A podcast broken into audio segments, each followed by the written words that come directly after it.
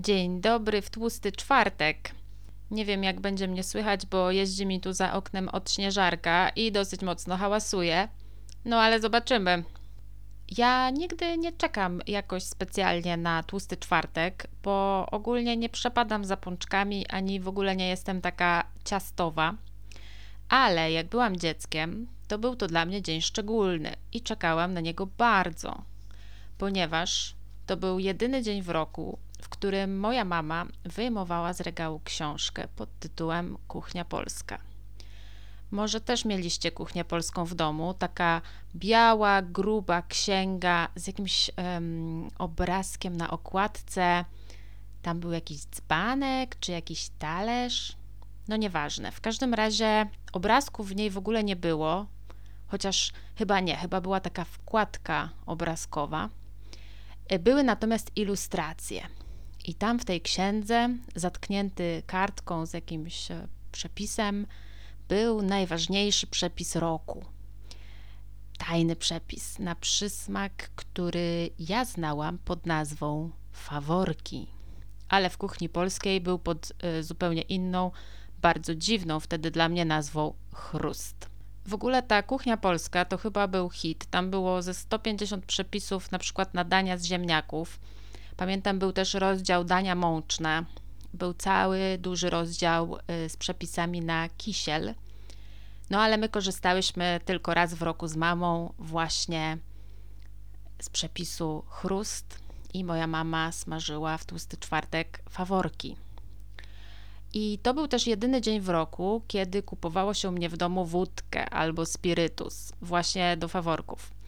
Bo tak to u mnie w domu wódki się w ogóle nie piło, i to był e, jedyny taki dzień, kiedy moja mama zatrzymywała się w sklepie u pani Eli i takim trochę konspiracyjnym szeptem prosiła ją o tę buteleczkę spirytusu albo o tę małpkę wódki. No i podział był taki, że moja mama robiła ciasto, E, wałkowała je, kroiła, a ja przewlekałam te faworki przez tą dziurkę i moja mama smażyła je na takiej malutkiej, żeliwnej patelni. I nie wiem, jak ona to robiła, ale te faworki były pyszne. I nigdy, przenigdy nie jadłam już takich dobrych i nie umiem sama takich dobrych zrobić. I żadne kupne w ogóle się nie umywają do tego, e, co robiła moja mama. Nawet jadłam w zeszłym roku faworki Magdy Gessler i to w ogóle nie to.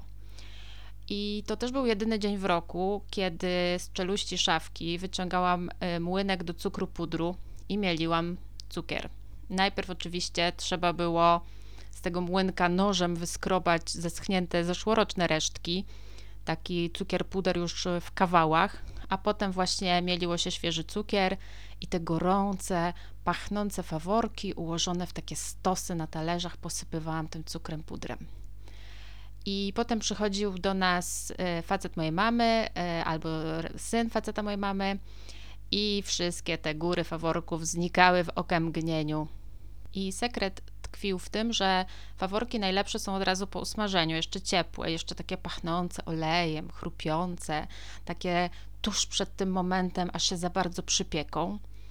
E, no a dzisiaj to nie wiem co będzie, bo dzisiaj ma pudełka, ma czwita, więc nie ma faworków, e, chociaż e, no różnie to bywa, bo kiedyś na przykład byłam taka dumna, że cały dzień się super trzymałam właśnie na diecie pudełkowej, a potem poszłam ze znajomymi do knajpy i zamówiłam sobie najbardziej kaloryczne dania z karty, czyli kalmary w panierce i frytki z aioli oraz piwo. No i właśnie tyle było z Maczwita, więc może dzisiaj też tak będzie.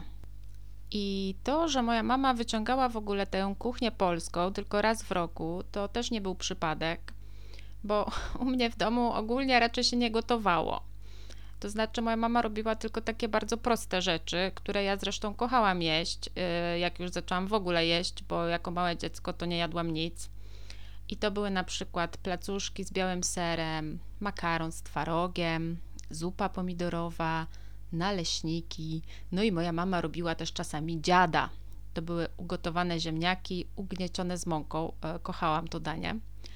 I szczerze to moja mama e, w ogóle się jakoś e, szczególnie nie przejmowała gotowaniem, przynajmniej ja to tak pamiętam. I jak już byłam trochę starsza, to no nieraz jadłam na obiad po prostu zupkę chińską wifon albo nudle knura. I wiem oczywiście, że to jest straszny syf, ale dzisiaj żyję i mam się całkiem dobrze. I całe życie jadłam obiady głównie na stołówce, czy w przedszkolu, czy w szkole. W przedszkolu to pamiętam, żywiłam się głównie chlebem z dżemem, który był na podwieczorek, ale to, no, to nie był jakiś tam dobry dżem, tylko taka jakaś najtańsza pewnie marmolada. E, a w szkole no to różnie. Większości dań nie lubiłam i upychałam kotlet pod ziemniaki, albo można było iść rano do pani intendentki i się odwołać z obiadu i na koniec miesiąca się dostawało zwrot za te obiady, więc tam zawsze jakaś dodatkowa kasa wpadła. Zresztą szybko zaczęłam sobie sama gotować, e, tak pewnie miałam ze 12 lat, jak już sobie jakieś tam danka szykowałam, bo moja mama ogólnie dużo pracowała i nie miała czasu na gotowanie, a sama to najczęściej w ogóle jadła cały dzień kanapki. Ale pamiętam na przykład, jak z moją przyjaciółką Justyną gotowałyśmy sobie obiad i zawsze gotowałyśmy sobie to samo, czyli makaron z sosem pomidorowym, ale taki trochę upgrade'owany, bo dawałyśmy tam bardzo dużo startego żółtego sera, oregano, suszoną bazylię i jajko.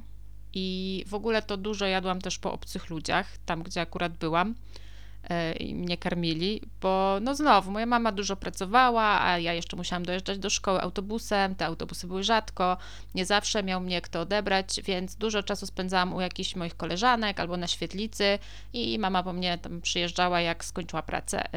Tak by the way, moja mama jest e, lekarzem, i wtedy, jakoś pod koniec lat 90., no, uczyła się do egzaminów i miała jeszcze przychodnie, gabinety w różnych miejscach, także dużo się musiałam ogólnie sama sobą zajmować. I pamiętam też, jak kiedyś y, zrobiłam sobie jajecznicę i wrzuciłam do niej świeżo ścięty z doniczki szczypiorek. No i w smaku to było to jakieś takie trochę dziwne, więc koniec końców wydłubałam ten szczypiorek z jajek i wyrzuciłam. No a moja mama jak wróciła do domu, to tylko spytała, kto jej ściął narcyzę. I tu powinien nastąpić wybuch śmiechu.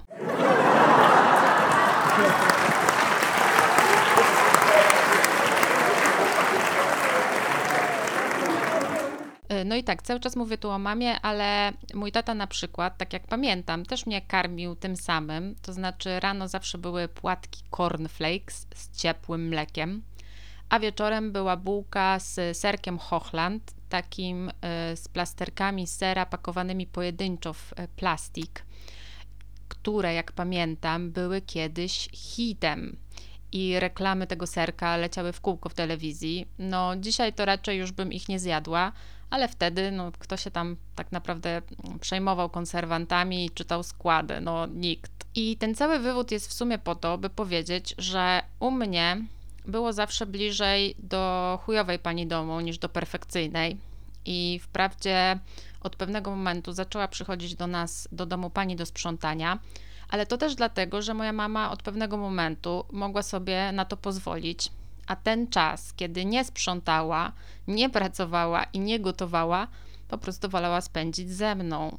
No bo generalnie dużo pracowała, dużo się też uczyła do egzaminów i wiele razy całe tygodnie właściwie leciałyśmy na pizzy z mrożonki i słoikach od babci i naprawdę nie chcecie wiedzieć, ile zjadłam w życiu gorących kubków, bo po prostu do dzisiaj powinien mi ten glutaminian sodu ulatniać przez pory.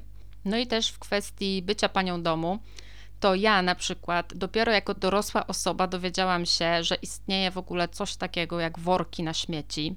Wiecie, takie, że mają uszy, które można zawiązać i że są na tyle grube, że nie cieknie z nich sok ze śmieci bo u mnie w domu albo wyrzucało się śmieci y, prosto z wiaderka, co oczywiście ogólnie jest bardziej ekologiczne, no ale jest trochę obrzydliwe, albo używało się reklamówek. No i te reklamówki nigdy nie pasowały rozmiarem do kosza, wysypywało się wciągle coś z tego, no ochyda.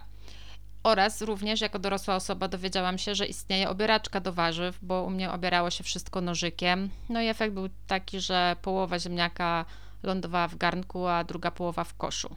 I chociaż dzisiaj moja mama, tak jak mi się wydaje, dużo bardziej lubi gotować i dużo lepiej jej to wychodzi, to ja na maksa szanuję wszystkie chujowe kucharki i wszystkie chujowe panie domu i uwielbiam, uwielbiam stronę chujowej pani domu na Facebooku i wszystkie te historie fakapów i opowieści ludzi i zdjęcia wylanego wiadra farby w samochodzie i wyznania, że na przykład ktoś lubi zapach piwnicy. Uważam, że jest to naprawdę fantastyczny powiew normalności w social mediach i dodatkowo naprawdę można posikać się ze śmiechu. I kiedyś nawet y, był taki konkurs y, wysokich obcasów, w którym trzeba było opisać swoją superbohaterkę, można coś tam było wygrać. I pamiętam, że opisałam właśnie Magdalenę Kostyszyn, czyli e, chujową panią domu, bo uważam, że naprawdę robi świetną robotę i jest odtrutką na całą tę presję jakiejś idealności. Chociaż, żeby nie było, ja perfekcyjną panią domu, tę brytyjską z Antillą Turner, też kiedyś oglądałam i nawet to lubiłam, e, chociaż wolałam oglądać niż wcielać w życie. No bo kochani, komu nigdy nie zdarzył się fuck up? Ja na przykład zaprosiłam kiedyś do siebie chłopaka na kolację i chciałam mu zaimponować kaczką w sosie winnym. Robiłam już ją kiedyś wcześniej, więc myślałam, że no, wyjdzie mi to danie. Ogólnie chodziło o to, że tę kaczkę smażoną na patelni trzeba było w pewnym momencie zalać e, czerwonym winem. No, ale jakoś tak wyszło, że wiecie, on tam siedział w tej kuchni, rozmawialiśmy sobie, ten olej się trochę za bardzo rozgrzał, wina dolałam za mało. No i jak chlusnęłam wino na ten gorący tłuszcz, to wszystko wystrzeliło w sufit i opadło na mnie, a byłam w sukience i w pończochach, y, na mnie i na kuchnię takim po prostu krwawym deszczem. No i wszystko trzeba było myć, y, sukienkę prać, y, a sufit to nawet trzeba było malować. Ale ten chłopak, który był na tej randce, zachował się naprawdę przytomnie, bo najpierw powiedział: Dobrze, że ci nie wystrzeliło w twarz. No, raczej. A potem pomógł mi sprzątać, e, kaczkę zjadł i sufit też pomalował. Więc ja się solidaryzuję ze wszystkimi chujowymi paniami domu, chociaż, chociaż mam trochę taką manię czystości i lubię, jak jest posprzątane. I totalnie nie wiem, skąd mi się to wzięło, bo u mnie w domu, no, sprzątało się, ale jednocześnie, wiecie, no, mieliśmy dwa psy, mieszkaliśmy w lesie, więc zawsze był trochę nieporządek, trochę taka prowizorka wieczna, zawsze coś się z dworu wniosło do y, mieszkania. I mam trochę takiego świra na punkcie porządku i czasami jak mam nieposprzątane, to aż mnie wierci, żeby przestawić i słyszę gdzieś w głowie ten cichutki głos Małgorzaty Rozenek. Ale może to w ogóle jakoś tak e, jest, że przychodzi to z wiekiem, że człowiek chce mieć e, ładnie, wygodnie, że chce mieć w ogóle zmywarkę, kostkarkę do lodu, toster, e, lniane serwetki, nóż do sera. Ja jak się wyprowadziłam z domu, no to mieszkałam, wiadomo, po studencku. I może nie było tak, że musieliśmy jeść na zmianę, bo brakowało łyżek, no ale też nie było jakichś luksusów. I pamiętam, jak kiedyś odwiedziła mnie moja mama, no i coś tam szykuje, coś tam do jedzenia, jakieś kanapki. I moja mama nagle mnie pyta: A masz nóż do sera? I ja wiecie, dotąd dosyć dumna, że tak dobrze sobie radzę, że w ogóle moim współlokatorom przygotowuję w niedzielę kurczaka a la Nigella Lawson, a tu nagle ten nóż do sera. No oczywiście nie miałam noża do sera i potem przez kilka miesięcy gnębiło mnie takie poczucie winy, że go nie mam. E, dzisiaj już mam, ale wtedy no, był to po prostu cios w serce tym nożem. Ale też tak sobie myślę, że może ta nieperfekcyjność mojej mamy, która uważam, że w ogóle jest totalnie zdrowa i normalna, ale że ona wynikała z tego, że przez długi czas mieszkałyśmy tylko we dwie, to znaczy bez faceta. I może to jest w ogóle jakieś podświadome, że jak się mieszka z chłopem, to włącza się ta Małgorzata Rozenek w głowie. No nie wiem, to muszę się chyba zastanowić nad tym. No i dzisiaj mam nie tylko nóż do sera, ale też mam na przykład y, gofrownicę i też większe ogólnie takie zamiłowanie do porządku. Ale no oczywiście stan po sprzątaniu trwa może godzinę w porywach, y, potem robi się znowu bałagan. I jeszcze jak mieszkałam sama, no to ten stan po sprzątaniu utrzymywał się dłużej. A jak nabałaganiłam, to był to zawsze mój bałagan. A teraz już nie zawsze jest mój.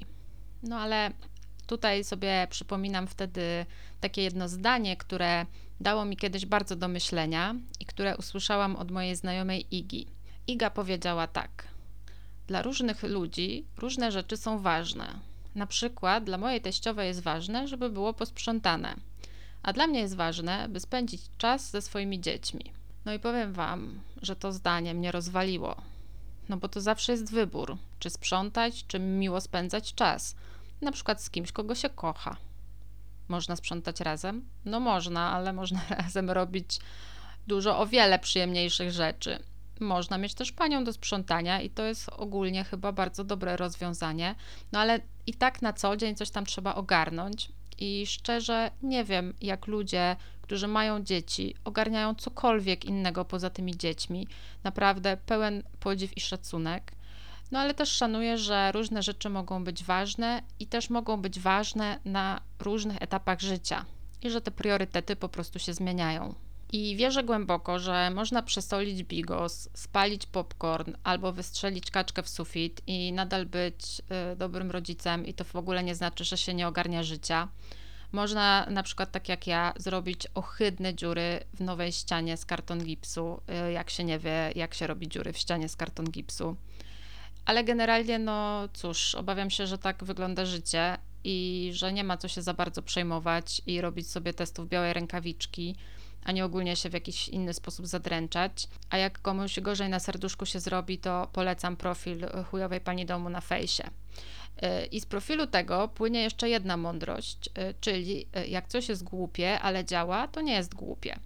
A z moich osobistych doświadczeń mogę dodać jeszcze jedną mądrość, taką, że prowizorki są wieczne. Ja na przykład przez 8 lat spałam na rozkładanej kanapie beddingę z Ikei, kupionej na tym dziale na samym końcu, e, który nazywa się wystawką.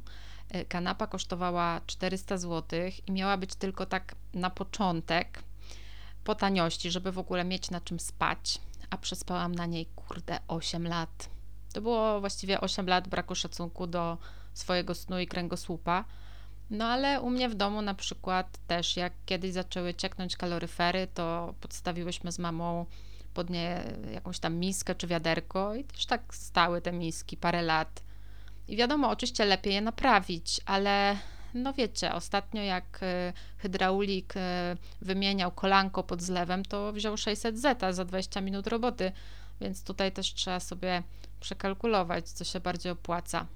Ale ogólnie to, co próbuję powiedzieć, to żebyśmy nie byli dla siebie zbyt surowi.